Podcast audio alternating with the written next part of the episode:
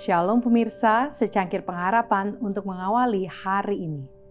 Menemukan sukacita dalam semua pengorbanan baginya. Sebab ucapan syukur apakah yang dapat kami persembahkan kepada Allah atas segala sukacita yang kami peroleh karena kamu di hadapan Allah kita.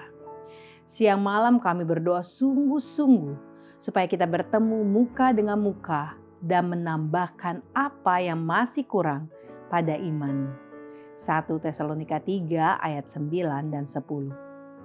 Kasih kepada Yesus akan diwujudkan dalam kerinduan untuk bekerja sebagaimana Kristus bekerja untuk memberkati dan mengangkat umat manusia.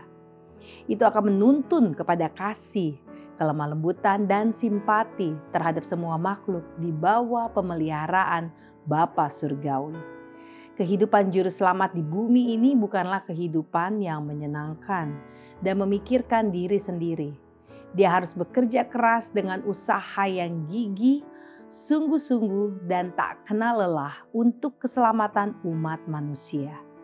Mereka yang mengambil bagian dalam kasih karunia Kristus harus siap untuk berkorban agar orang-orang yang untuk siapa Yesus mati dapat memperoleh karunia surgawi. Mereka akan melakukan semua yang mereka bisa untuk membuat dunia menjadi tempat yang lebih baik untuk mereka tinggal di dalamnya. Langkah kepada Kristus halaman 132 sampai 134. Jika engkau panggil Allah Bapamu, engkau mengakui dirimu anaknya untuk dipimpin oleh hikmatnya dan untuk menurut dalam segala hal. Mengetahui bahwa kasihnya tidak berubah engkau akan menerima rencananya untuk hidupmu.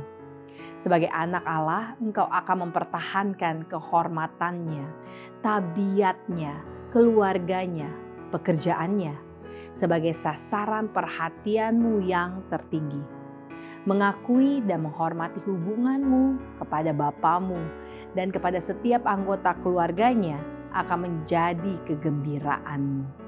Engkau akan bergembira untuk melakukan pekerjaan apa saja, betapapun rendahnya, yang akan cenderung kepada kemuliaannya atau kepada kesejahteraan keluargamu.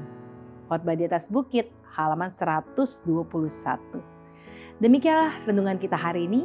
Selalu mulai harimu dengan secangkir pengharapan.